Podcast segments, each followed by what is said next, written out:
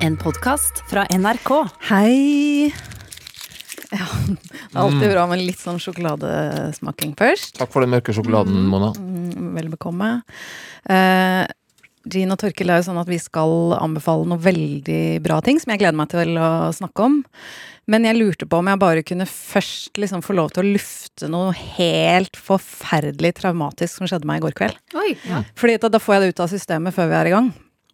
Dere vet at jeg er relativt glad i hundene mine, Mm, og hvor redd jeg er for at de skal dø. mm. Og de er jo gamle, og det er liksom Hele greia er liksom litt vanskelig. I går så døde de nesten på grunn av meg. Nei! Å, herlighet. Altså, jeg holdt på å drepe dem helt selv. Hvordan Altså, det er så forferdelig. Men det er kommet noen sånne rosiner i sånne små bokser med sånn jordbærsmak. Som er sure, som jeg tenkte Så var det en venninne som hadde gitt det til barna, så skal jeg prøve det sjøl. Og så hadde jeg de to søte, bitte små hundene mine liksom oppå meg som bare Å, få rosin, få rosin! Mm. Og så bare OK, en rosin hver. Og så får Nicolas totalt panikk, og han bare Nei, men det er noe med rosin og hunder. Hæ? Og så slår, ja, så slår jeg opp, så står det Får de i seg bare én rosin, så kan de dø. Nei, og du må nei, nei, ringe nei. til dyrlege med en gang. Nei, nei, nei, nei, nei. Hæ? Hva, hva er det, hva er det med rosinen? Ja, men rosinen ødelegger nyrene deres. Det er noen stoffer som gjør at de liksom altså, og, Litt som en sjokolade. Ja, det er bare enda verre, tydeligvis. Så jeg ringer til legen, og hun bare, dyrlegen, og hun bare Å, uff, liksom. For jeg har jo en, en hund på 2,5 kilo og en på 5. Og så sier hun ja, men eh, Hvor lenge er det siden? Og da var det liksom gått 20 minutter. Og så Ja, men vi får bare håpe. Men du må følge med, da, om hvordan de er, og altså, så om de blir veldig tørste og Nei, altså du kan jo gi dem kull og liksom prøve å få dem til å kaste opp og sånn, da, men det var tydeligvis liksom litt for lang tid. Så Ja. det var Så Nicolas og jeg lå jo da i hele går kveld og i natt og har fulgt med Å, på hundene om de skulle dø av en rosin! Helt Så du har ikke fått sove du av en rosin? Nei, herregud. Altså, jeg vil bare si det, for jeg tenker også det er sikkert noen hundefolk der ute, og bare én bitte liten skrumpa inn rosin. Ja, ok. Ferdig. Men det har gått bra, da, foreløpig. Det har gått bra. Jeg tror de tåler én rosin. Det, det er sånn mindfulness-folk gjør. Det, det det første du skal gjøre, det er å spise én rosin Mm. på én time, eller et eller annet sånt der. Okay. Eh, men da vet jo alle hunder at mindfulness kanskje ikke Er helt for deg. Honda, hold dere Men unna sånne ting er sånn, det er sånn, sånn, sånn type kunnskap mener jeg alle bør ha. Da, for eksempel, altså, som jeg, jeg visste jo veldig lenge ikke at man ikke kunne liksom legge brødrister og, og sånne ting oppi badekar. Så jeg, jeg hadde veldig lyst til Jeg hadde så lyst til det. Men jeg lå jo ofte i, med badekar og liksom eh, Og eh, stereoanlegget på kanten. Og hadde Og- lyst på en toast? Ja, nei, men, men så, det, det kunne jo skjedd at liksom, det hadde falt oppi. Og det er ingen som har fortalt meg noen gang. Før jeg liksom så det på film som liksom 23-åring. Altså, hæ, ok, det har jeg holdt på å dø mange ganger. Ja, men da har kan vi jeg også si ikke putt aluminiumsfolie i mikrobølgeovnen. Å ja! Shit. Herlighet. Her må, Flere ting. Nå, må Nå- skrive en bok. Ja, nå er det bare aluminiumsfolie i mikrobølgeovnen, ikke brødrister i badekaret, og ikke rosin i hund. Det hadde jo vært litt spesielt hvis jeg drepte mine egne hunder Ja, med det hadde vært veldig trist. Ok, eh, eh, nå er det sånn at vi skal gi livsgnist. Vi skal eh, også snakke om den fryktelige Baneheia-saken, og vi skal til New York og møte en av byens skarpeste og vittigste, som var venn med denne karen.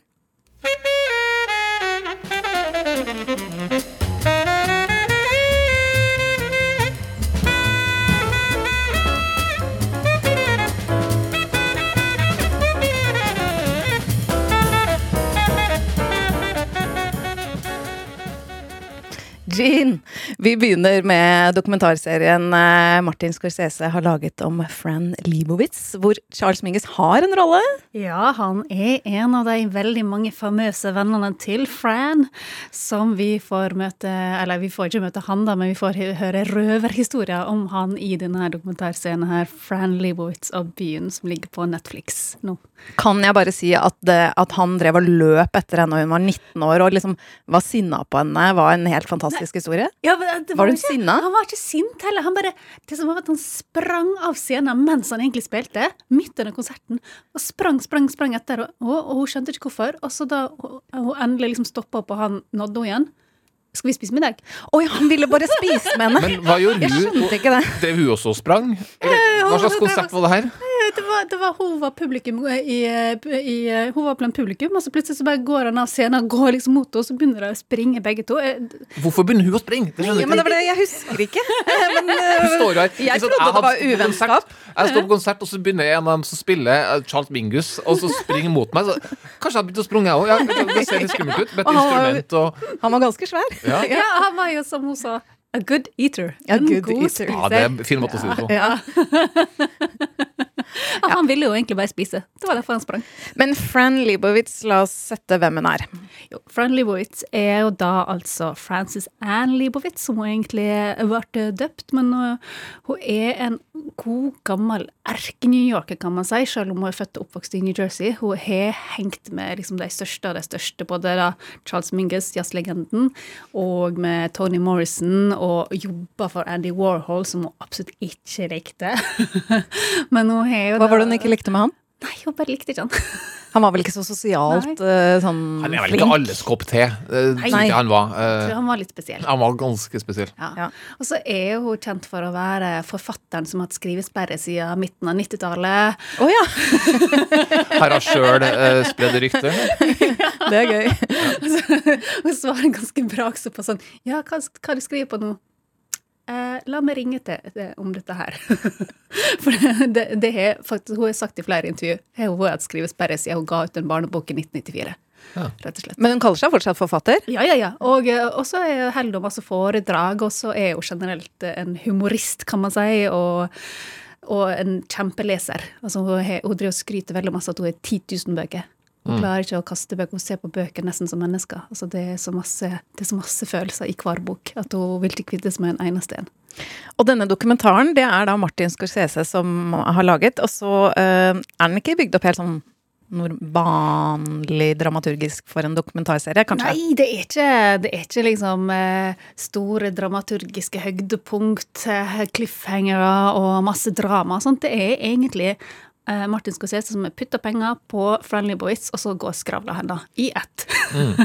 og Skravla henne går eh, på scenen med Martin Scorsese, på bar med Martin Scorsese. Det er litt som at han prøver å pirke borti henne, sånn at hun skal gjøre det, hun, det han elsker med henne. Ja, ja. Eh, og, det- og det er jo sånn kjappe raljeringer og kvikke kommentarer. Virker som, Jeg har bare sett første episode, da, så du eh, kan jo korrigere meg hvis det blir helt annerledes etter hvert. Mm, Og, og de to har jo tydeligvis eh, kanskje et litt sånn nært forhold fra før av. Det tenker jeg at, For han elsker jo, virker det som. Han har jo også brukt henne i, i eh, Wolf of Wall Street. Altså, det glemte å si at hun har jo faktisk også dukka opp stort sett som dommer i diverse filmer og TV-serier, sånn som eh, Law and Order og Wolf of Wall Street, som vi kan bare høre et lite klipp av hvis man ikke husker det.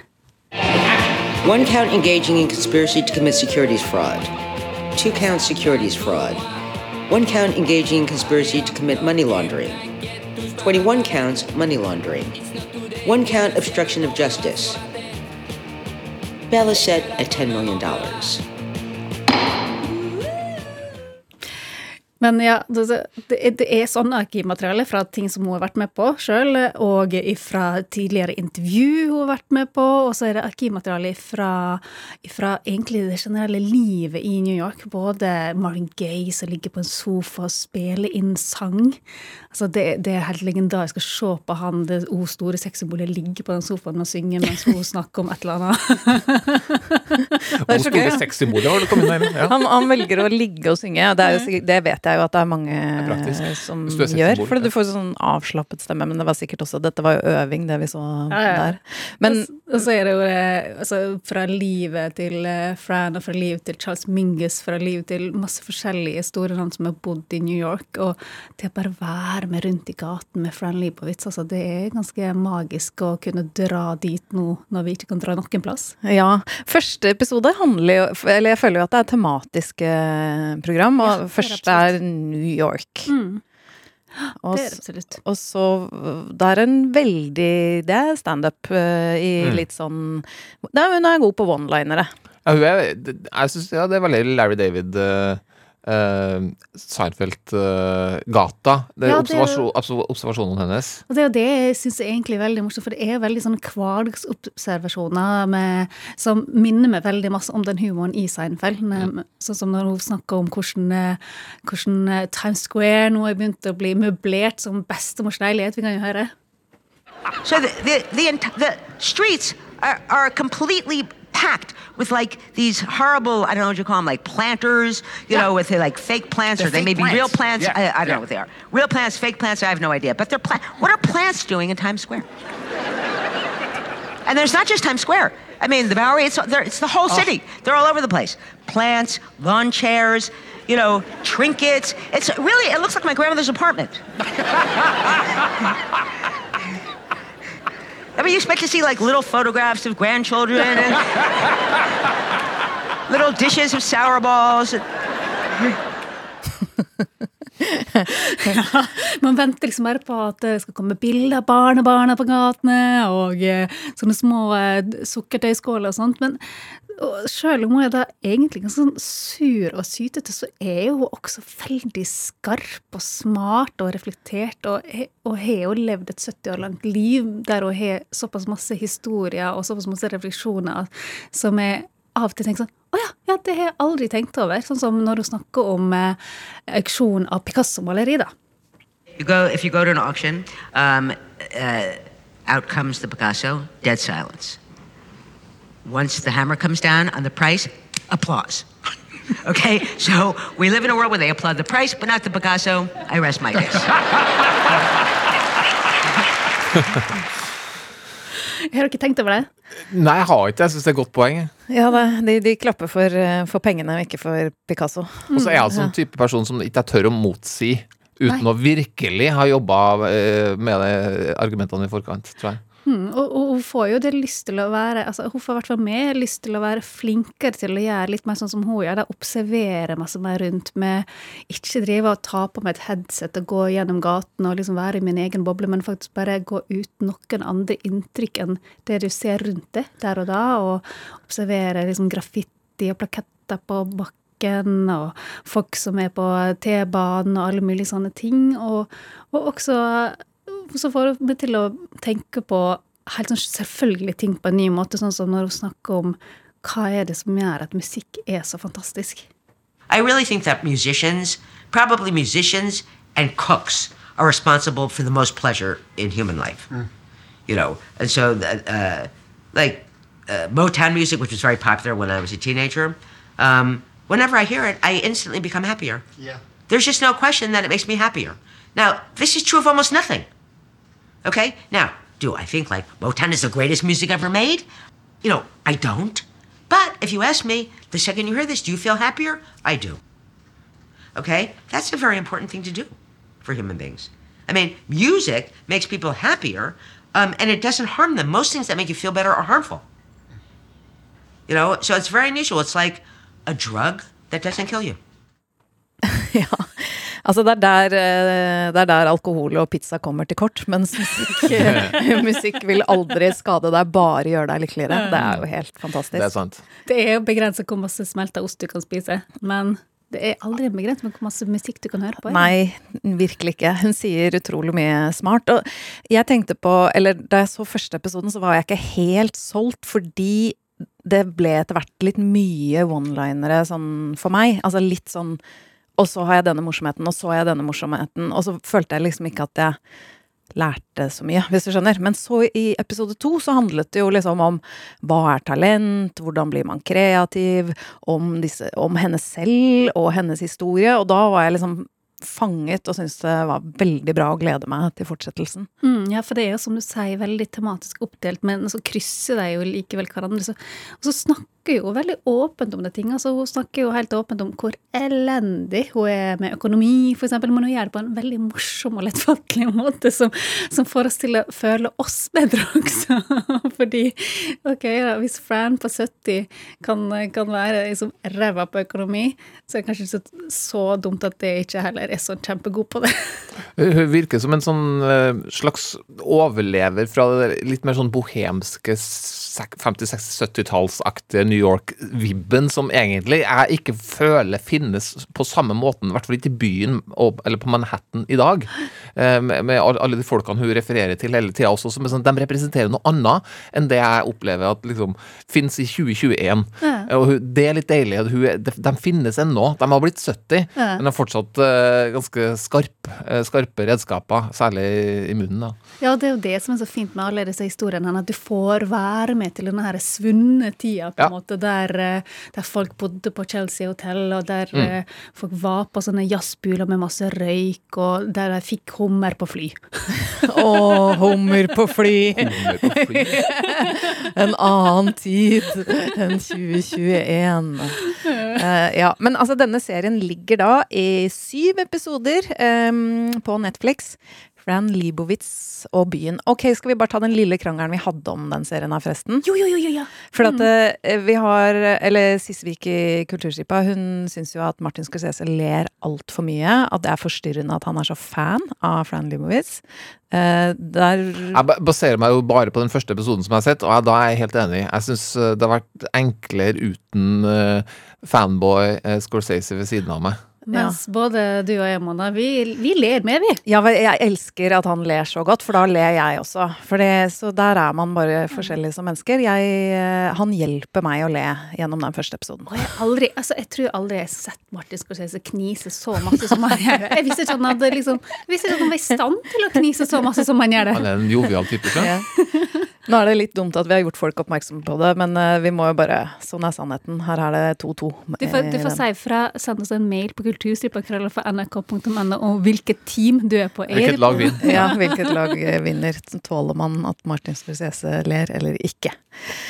Torkil, eh, vi skal nå snakke om en annen dokumentarserie. En ganske annen type følelse eh, rundt den. Det er en fersk dokumentarserie om en drapssak som opptok oss alle en periode, i hvert fall oss som er litt grann eldre. Mm. Eh, Baneheia. Og de- de som ikke husker den eh, forferdelige saken, kan ikke du fortelle i korte trekk?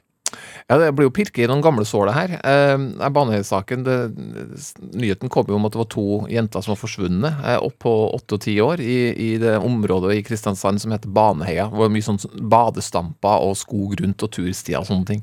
Og så gikk det et par døgn, og så ble de funnet eh, brutalt drept og voldtatt. Og hele Norge var jo egentlig prega av det. Avisene enormt prega av det. Nyhetssendinger. Eh, jeg husker det sjøl. Var i militæret. Veldig prega av det. Grusom sak. Og så tar det mm, vel et par, tre måneder før eh, det ble arrestert to stykker. Eh, Jan Helge Andersen og Viggo Kristiansen. Og de ble jo også dømt eh, etter hvert. Så det er egentlig det, det er de faktaene som vi har.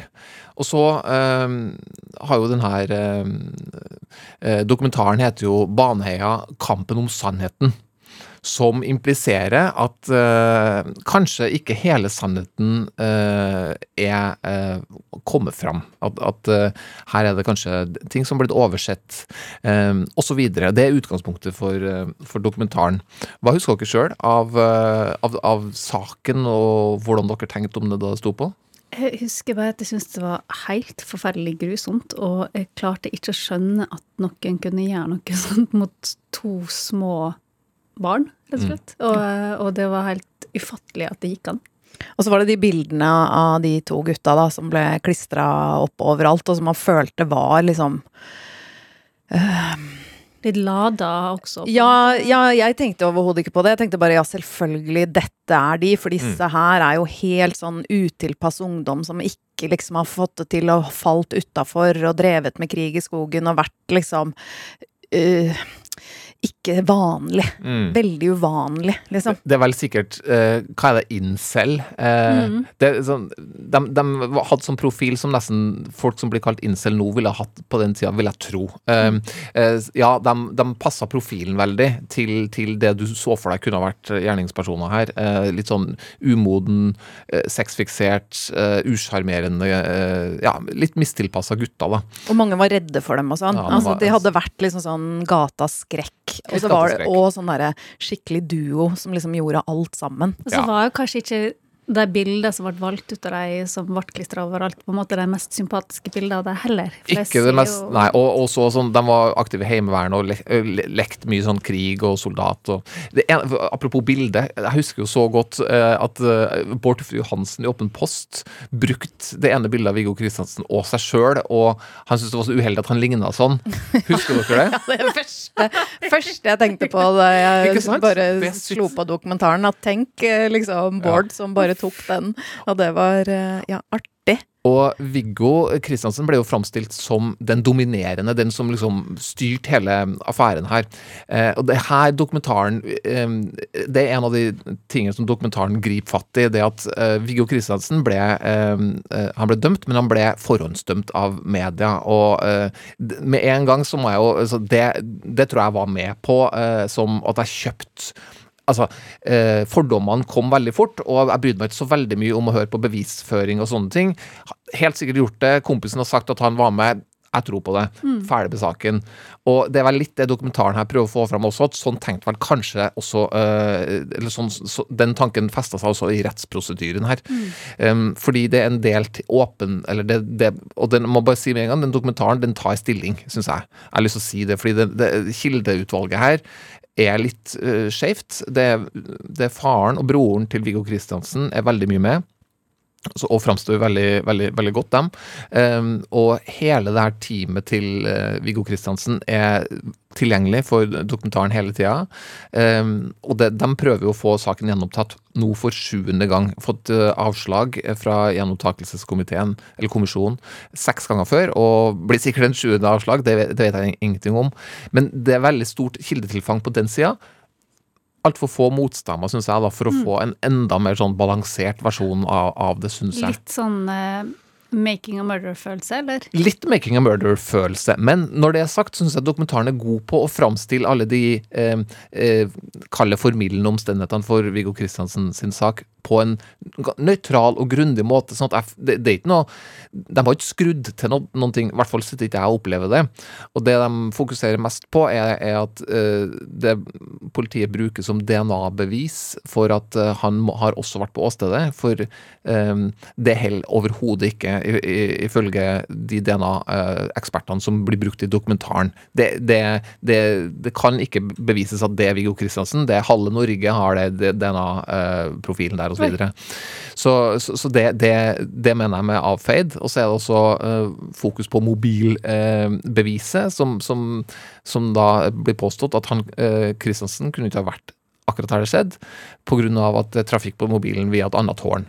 Eh, så det, det er også en ting. Det, det, ble, det er litt mer omstridt, men, eh, men det bruker jeg mye tid på. Og så er det som jeg kanskje er mest interessert i sjøl, det er sånn avhørsteknikker. Det syns jeg er meget spennende. Um, og særlig når han Asbjørn Raklev kommer inn, som er en sånn norsk avhørsekspert, som også er internasjonalt anerkjent. Um, han har blitt brukt i veldig mange sånne virkelighetskrimmer om at altså, uh, Han er veldig opptatt av det med at politiet leder, eh, leder folk i å plante ting som, som da de mistenkte eller sikta sjøl bruker Ja, for det var litt som jeg syns var interessant i den Uløst-podkasten også, med Mm. Birgitte Tengs, eksempel. Birgitte Tengs, der er, det, der er det veldig aktuelt. Alt med Thomas Quick er jo, er jo mye av det. Vi kunne høre litt fra Asbjørn Raklev, som, som her sitter og går gjennom um, avhøret av Jan Helge Andersen. og det er jo Han som, han tilstår jo, han sier 'jeg har gjort det', men han mener jo også at her, her ble han presentert muligheten for å implisere kompisen sin Viggo. Etterforskeren skriver videre Han, altså Jan Helge Andersen, ble derfor gjort kjent med at vi, politiet, var sikre på at han var en av gjerningsmennene. Da har politiet veldig effektivt sagt at vi vet det er to. Så skriver han videre at Andersen ble dessuten spurt om han selv kunne være et slags offer i saken. I den forstand at hans beste kamerat, Viggo Kristiansen, kunne ha vært den mest aktive på åstedet. Så her lanserer, her, her lanserer politiet en, en teori som gir eh, Jan Helge Andersen en, en, en slags mulighet til å nedspille sin egen rolle. Da jeg kom inn på dette evnet, så var det tydelig at Andersen fikk noe å tenke på. Ja Hva var det han tenkte da? Det høres jo veldig alvorlig ut. Mm, det gjør jo det. Så spørsmålet er eh, Viggo Kristiansen skyldig? Det kan fint være. Det, det vet ikke jeg. Vet ikke. Og jeg er, sånn, jeg er sånn som Ja, jeg, jeg tror på det, Alle har overbevisende ting her. Jeg tror på den som snakker. Og her Er snakker, ja, og her snakker, eh, snakker alle Viggo Kristiansens sak, nesten. Ja, i hvert fall de, de, de som blir brukt her, de, de, de sier ting som i hvert fall peker på at her har det ikke vært en rettferdig rettssak, på en måte. Og det er det jeg i hvert fall sitter igjen med, det at han kan godt være skyldig. Eh, Det, det kan godt være allikevel, tenker jeg. Men har han fått en fair trial? Nei, det syns jeg kanskje ikke han har fått. Eh, Etter å ha sett det her, i hvert fall. Eh, Så, så ja, det er utrolig interessant. Mine egne fordommer blir møtt her, eh, og jeg møter meg sjøl, og, og derfor blir jeg kanskje enda mer sånn ja, men nå skal jeg være veldig åpen for eh, at han kan være uskyldig, og så, og så videre og så videre. Så sånn sitter jo jeg da, når jeg går gjennom denne eh, dokumentaren, så jeg vil oppfordre alle til å gjøre det samme. Eh, og så, så syns jeg jo på generelt grunnlag at, at flere saker egentlig blir, blir gjenopp gjenåpna. For det er- virker som noe av det vanskeligste i verden, å få gjenopptatt en, en straffesak. Og det har jeg Mm. Andre er tilfeller også- på også. Det er vel også det at eh, vi på en måte så, så indoktrinert i at vi skal stole på vårt eget rettssystem, på et vis. Eh, Så, Mm. så det er jo en sånn fæl ting hvis vi nå innser at eh, det ikke fungerer som det skal. Ja, Ja, Justismord er livredd. Ja, og det skjer jo, det vet vi jo. Ja. Eh, men jeg får også noe Altså, jeg syns jo Jeg får noe ubehag ved at det er veldig spennende. Det er jo på en måte den sjangerens sånn dobbeltside, eller hva man skal si. Ja. At det blir underholdning. Ja, nemlig. At det er, det er veldig underholdende på en sånn spennende måte. Og så er det jo en ja, sørgelig sak, så det ja, Det er så nært, ikke sant? Fordi at det også er eh, Selv om det er en stund siden, altså 20 år siden, så er det i Norge og i Kristiansand nå. Man Ja, ja, ja. tenker liksom på de som er pårørende. Ja, Så det er liksom en del ting her som gjør at jeg også syns det er Vanskelig. Litt vanskelig, men samtidig, eh, hvis det er justismord og det er ting, så må man jo også eh, ja, se er nærmere på det. det er jo noen som påpeker det at vi var kanskje for flinke til å ta hensyn til de pårørende. Det, er- det syns jeg er en vanskelig ting å si. Eh, det, det, bare en sånn liten detalj som at faren til en av de to jentene var 30-40 meter unna da det foregikk. Jeg, jeg klarer ikke å Nei, det, det, det er tøft. Det er tøft å se det. Baneheia, eh, den heter da Kampen om sannheten, og hvor mange deler er det egentlig? Det er seks episoder som nå eh, strømmes på Discovery Pluss, og så kan du også se det på vanlig TV på TV Norge i februar. Ja. Ok, jeg må helt tilbake til nyttårsaften, fordi jeg skal anbefale denne I fjor, altså. uka. Ja, i fjor. Herregud, så lenge siden. Ja, det var så lenge siden. Det var jo liksom litt sånn stusslig nyttårsaften, fordi det var bare Niklas og meg hjemme. Jeg hadde pynta meg svart, hadde på en måte en slags begravelse for året, men eh, verdig, liksom. Og så mm, syns jeg likevel var litt stusslig, så uh, jeg prøvde å tenke hva kan vi gjøre, sånn bortsett fra å drikke veldig mye. Råkline! Så kom jeg på bare åh, Pixar-filmen Soul eller Sjel. Mm. uh, den har jeg lyst til å se. Jeg har ikke Disney pluss. Nå slår jeg til! 70 kroner! Å, herlighet! Det er noen som har det. Så uh, det var rett og slett uh, det jeg gjorde, og det var fy søren, det var det jeg trengte for å kjenne gnist eller glede i livet. For den filmen den handler også om gnist. Det er jo da en film som er regissert av Pete Doctor, som jo har laget eh, Altså fikk Oscar for Inside Out og Up, og så er det Kemp Powers, som jo både har vært en em, eh, manusforfatter for teater. Altså han har laget liksom masse ting. Han er afroamerikaner, og den første da regissøren som har laget en Pixar-film da sammen med Pete Doctor. Og for første gang i Pixar-historien så følger man da en afroamerikansk eh, hovedperson, og det er eh, Joe Gardner. Han bor i New York. Hele livet så har han drømt om å bli en stor jazzmusiker. Han spiller eh, piano, men det har vært veldig mye nei, og han har liksom ikke fått til det. Så han er da lærer for dette skolekorpset. Ready. One, two, three.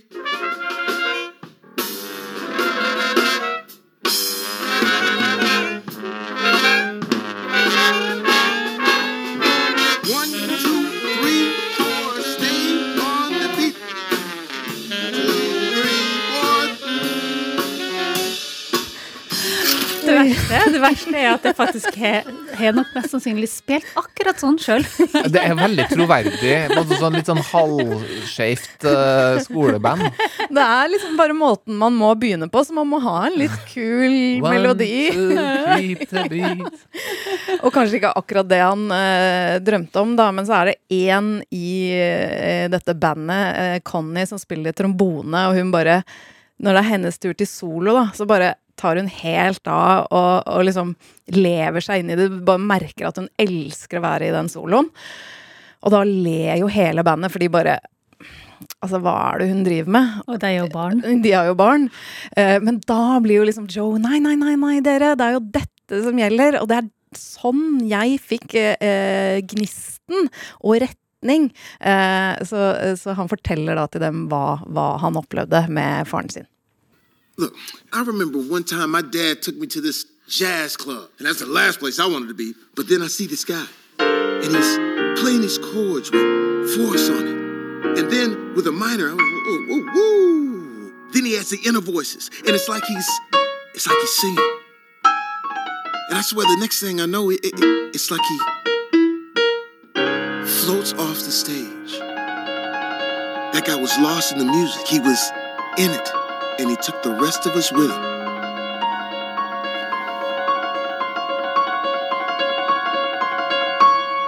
And I wanted to learn how to talk like that.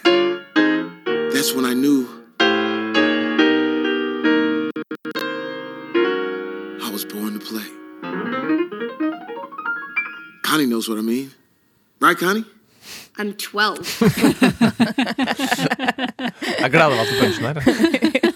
Jeg har også hørt den noen ganger, da. Men eh, altså, det er jo bare den der flyten han kommer i da, og han finner jo på en måte liksom meningen i livet da, med musikk.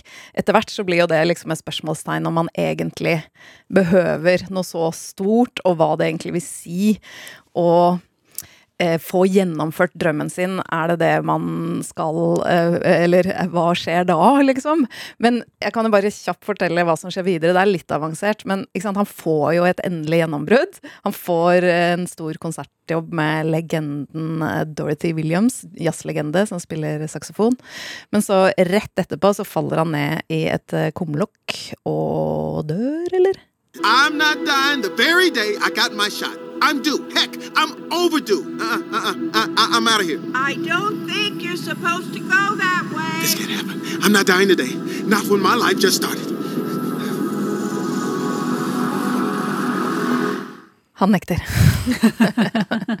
og dere vet jo Ja, dere har jo sett den begge to, så eh, han kommer jo på en måte til Han kommer jo ikke til the great beyond fordi han løper andre veien. Rett og slett. Han klarer å liksom løpe fra det. Løpe fra lyset. Løpe Ikke fra gå mot det. Ja. Og så kommer han i stedet til the great before. Og the great before har ikke jeg hørt om før, og det er liksom der hvor sjelene får uh, sin personlighet. Da. Man må ha Sjelen må ha en personlighet for å komme til jorda. For å få lov til å leve. Og da, eh, der er det noen mentorer liksom, av bra folk da, som skal hjelpe disse sjelene å få eh, ja, få personlighet, men ikke minst få gnist. Og Joe Gardner han må da eh, lære opp sjelen, sjel 22. eh, Den verste sjelen. Mm. En sjel som overhodet ikke vil bli Grusom, levende. elendig sjel. Ja, hun har vært gjennom ganske mange mentorer. Ja, altså det var Abraham Lincoln og mor Teresa og Mohammed Ali og mye flere. Ingen som har klart å overbevise Jeg tror ikke Gandhi klarte det. Nei. Eh, Overbevise sjel 22 om det er verdt å leve, og noe liksom som skal være bra å leve for, da. Og så blir jo det da muligheten til Joe Gardner, da, hvis han klarer å få eh, en gnist, eh, noe som eh, som Sjel 22 syns er gøy, eller som gjør at livet er verdt å leve, så kan han også kanskje få, få livet tilbake på jorda. Og jeg elsker Jamie Fox i rollen som Joe Gardner. Mm. Han er helt, så- helt nydelig. Jeg så han jo på norsk, så jeg, jeg fikk jo Josef uh, der. Han er Eh, jo nydelig, han òg, ja? Men hvordan er han Ja. Jeg syns han gjør en kjempejobb, Uh, men det blir aldri det samme uansett. Samme hvor god du er, uh, å ikke se det på originalspråket, men jeg så det jo med masse barn. Og jeg elska også den filmen. Jeg, jeg synes det var så deilig å være i New York, jeg da, og jazzen og klubben, og han lykkes. Så jeg, synes jo, jeg liker jo ikke så godt The Great Beyond, Great Before-historien. Jeg vil være i New York hele tida. Du vil være i jazzen, du. Ja, jeg vil være jazzen. Jeg koser meg mest da, i hvert fall. Ja. Ja, men det er jo en helt utrolig animasjon. Altså, an, eh, jeg har aldri sett bedre animering av mennesker noensinne. Jeg syns de er helt utrolige. Uh, fordi de er heller ikke ekle. Altså, de er veldig menneskelige, men de er ikke gått over til liksom at det blir ekkelt. Ja, ikke sånn ekkel hudaktig. på en Nei, sånn feil. Mm. Eh, Så det, jeg føler at det er helt riktig. Og lyset og New York Altså det eh, Vi snakket jo om Fran Libowitz og Ja, ja. New York. Men Vi må altså, komme oss til New York, høres det ut ja, som. men altså New Yorken her er liksom helt fantastisk. Jeg er enig med deg at The Great Beyond Altså vi, i, i Coco så var man jo også i på en måte eh, etterlivet. Mm. Og der var det liksom veldig fargerikt og fint. Her er vi liksom Altså musikken er Trent eh, eh, Reznor. Reznor og Atticus Ross fra Nine Inch Nails. da Og det er litt sånn kaldere, og det er um, pasteller, og det er litt sånn annerledes. Litt kjedeligere animasjon òg. Ja, jo, men litt- jeg syns jo for eksempel den her biten med The Zone, der folk havner når de er på en måte i flyten. Mm. Sånn som hvis du da er jazzmusiker og er midt i en improvisasjon og bare altså, Høyde bare forsvinner ut, på en måte, og du bare går i din egen verden, da havner du liksom in the zone. Og den delen der syns jeg var veldig fin, for da var det sånn her eh, Det var jo det sånn teppe av masse folk som var i sonen. Mm. Og, eh, og så var det sånn litt sånn sandaktig, mørk masse sånn Det Der de kjørte båt på og sånt. Og det, akkurat den delen der syns jeg var veldig magisk. Mm, men jeg, synes, jeg er litt enig med at det er liksom litt kjedeligere enn å være i New York, men det gjør jo kontrasten bra. Mm. Også, men kanskje man, fordi man er der øh, my, mye også, så ja, jeg er litt usikker. Men uansett så syns jeg det er så bra at jeg, jeg kan ikke få sagt hvor bra jeg Det er så kult å lage det her for barn. Ja. jeg. Ja. Altså, det var veldig Ja, for det er deilig. avansert også. Ja, det er det. Men hvordan liksom Fordi at jeg tenkte nå må jeg konse for å skjønne egentlig litt her hva som skjer. Og da, hvordan gikk det med barna dine da? Nei, De er jo forskjellig alder, da, fra fire til ni, så, så det var kanskje forskjellig hva de fikk ut av det. Men jeg, jeg, jeg tror det festa seg noen av de større ideene eh, til alle, faktisk. Så At- fint. Ja, så, så det, det er kjempebra. Eh, en, en film som virkelig var på sin plass. Og du fikk tatt med barna dine til New York. Ja. Det, det gjorde jeg jo kanskje ikke ordentlig, da. men- det er jo ganske altså sånn, eh, I en, en sånn bisetning så er jo det utrolig interessant også å høre på nettopp dette der som han eh, godeste Camp Power snakker om eh, med lyssetting og alt i den podkasten Fire and Spark, som du og jeg har hørt. Ja, altså de har jo fått da en som har jobbet eh, med eh, afroamerikanere i forhold til lys og film, fordi det er jo eh, Lyssetningen trenger å være litt annerledes. Mm. Og det har de tatt med seg da inn i, i denne Animasjon, film, animasjonen. Og det, er, det, det legger man også merke til når man vet det, at det er liksom helt utrolig, det lyset. Um, ja, og det er jo en, Jeg elsker scenen i barbershopen. Ja. Mm, Og med moren, og det er noe pizza som er mening i livet, som vi snakket om før. Eh, jeg tenkte også, vi, vi kan faktisk kanskje høre et klipp fra Camp Power som bare liksom sier hva det egentlig handler om. so much of the journey of soul for Joe Gardner is this journey of discovery. What does it mean to lead a fulfilled life? You know, are you a failure if you don't realize your dream? Conversely, if you do realize your dream, does that make your life perfect? These are like big, big, heady questions. Exactly the kinds of questions one might bring up in a conversation in a barbershop. Jeg er bare takknemlig jeg, til den filmen, fordi at jeg var eh, litt sånn eh, mørk, altså. Og så ser jeg denne, og så skjønner jeg liksom ok, det er de der små tingene, og så gjør man bare den lille jobben det er for å liksom komme på at å ja, pizza, man kan bli glad av det. Eh, Snøen, man kan bli glad. Altså, det er banalt, men det er bare akkurat det jeg trengte. Livet er skjørt. Det er bare en jordbærrosin unna døden. ja, nettopp det. Men så er det litt sånn som jeg og en kompis snakka om, at man kan jo, selv om man har på en måte en sånn voksenjobb som vi har nå, da, på en måte, som, som er veldig gøy, men man kan jo også finne andre ting som gir man den der gnisten og flyten som man ikke trenger å holde på med fulltid. Altså, altså da, da var det sånn Jeg liker å dreie, han liker å kjøre motorsykkel. Ja. Og da bare, da bare lukker man ute resten av verden på et lite punkt der. eh, Det motsatte av det jeg sa jeg ville gjøre med Fran Libowitz, men samtidig man trenger begge deler. Man trenger både det å ha sin egen lille sfære og bare være i en flyt, og kanskje også gå ut igjen da og være flinkere til å observere etter å ha vært i den bobla. Ja, og jeg eh, liker da tydeligvis mye mer enn det jeg visste. Eh, Disney og Pixar-filmer, og har da vært veldig fornøyd med Disney pluss-abonnementet på 70 kroner, som jeg har delt med nieser og nevøer som en sånn slags gave, for man kan jo være fire på et sånt eh, abonnement. Og vi er Eh, ikke i all hemmelighet. for å si dette her. Nei, eh, det er, jeg tror ikke de tenker at det er en eh, lov, helt lovlig idé, men herregud, hvis du gir en e-mail og en login, det må da være mulig det. Så Mio har sin egen sånn på, på innloggingen. Sjel eller soul kan man da eh, se der på Disney pluss. Ok, Torkil og Jean, skal dere oppsummere? Ja, eh, jeg har eh, anbefalt eh, Baneheia, 'Kampen om sannheten'. Og jeg har anbefalt Fran Libowitz og byen. Bare kjenn på den deilige følelsen av å høre på en skikkelig smart person snakke om veldig gøye ting i 20 episoder på 30 minutter. Bare sju episoder. Eh, vi har jo ikke noe musikk i, i dag eh, til eh, folk. Jeg tenkte kanskje at jeg kunne spørre, jeg, for, fordi hvis du som hører på savner musikktips i podkasten, så skriv gjerne til oss kulturstripa krøllalfa nrk.no. Grunnen til at vi ikke har gjort det i dag, er liksom todelt. Det ene er at vi er litt usikre på om vi trenger det. Det andre er at det er veldig tidlig om morgenen, så det blir utrolig stress å finne helt ny musikk. Men, men vi gjør det hvis det, er, hvis det er åpenhet for det. Men i stedet så har vi en kjempefin gullerstatning. For Torkel, du har med noe? Ja, eh, hvis du trenger noe å høre på, så vil jeg anbefale ukas eh, episode i den podkasten til Rob Lowe som heter Literally. Der er Lisa Kudrow, eh, fra, eh, mest kjent fra Friends og Phoebe, eh, gjest. Og jeg hadde nesten glemt hvor, mye jeg, hvor høyt jeg elsker hun. Hun er en fantastisk eh, selskap på øret. Hun, er så, hun har så herlig latter, og så får du også sånne bitte små historier, som er et lite klipp som jeg har tatt med her, om at hun hun ble all, hennes bil ble alltid gjennomsøkt fordi, fordi sikkerhetspersonalet ved der Freds ble spilt inn, trodde hun stjal ting fra settet. This can't be true. That on the last season of Friends, Yeah. they were searching your car. It was throughout. Okay, It was wait. like okay, on so and off for 10 years. they were searching your car to see if you were stealing things from the set. that was Warner Brothers security.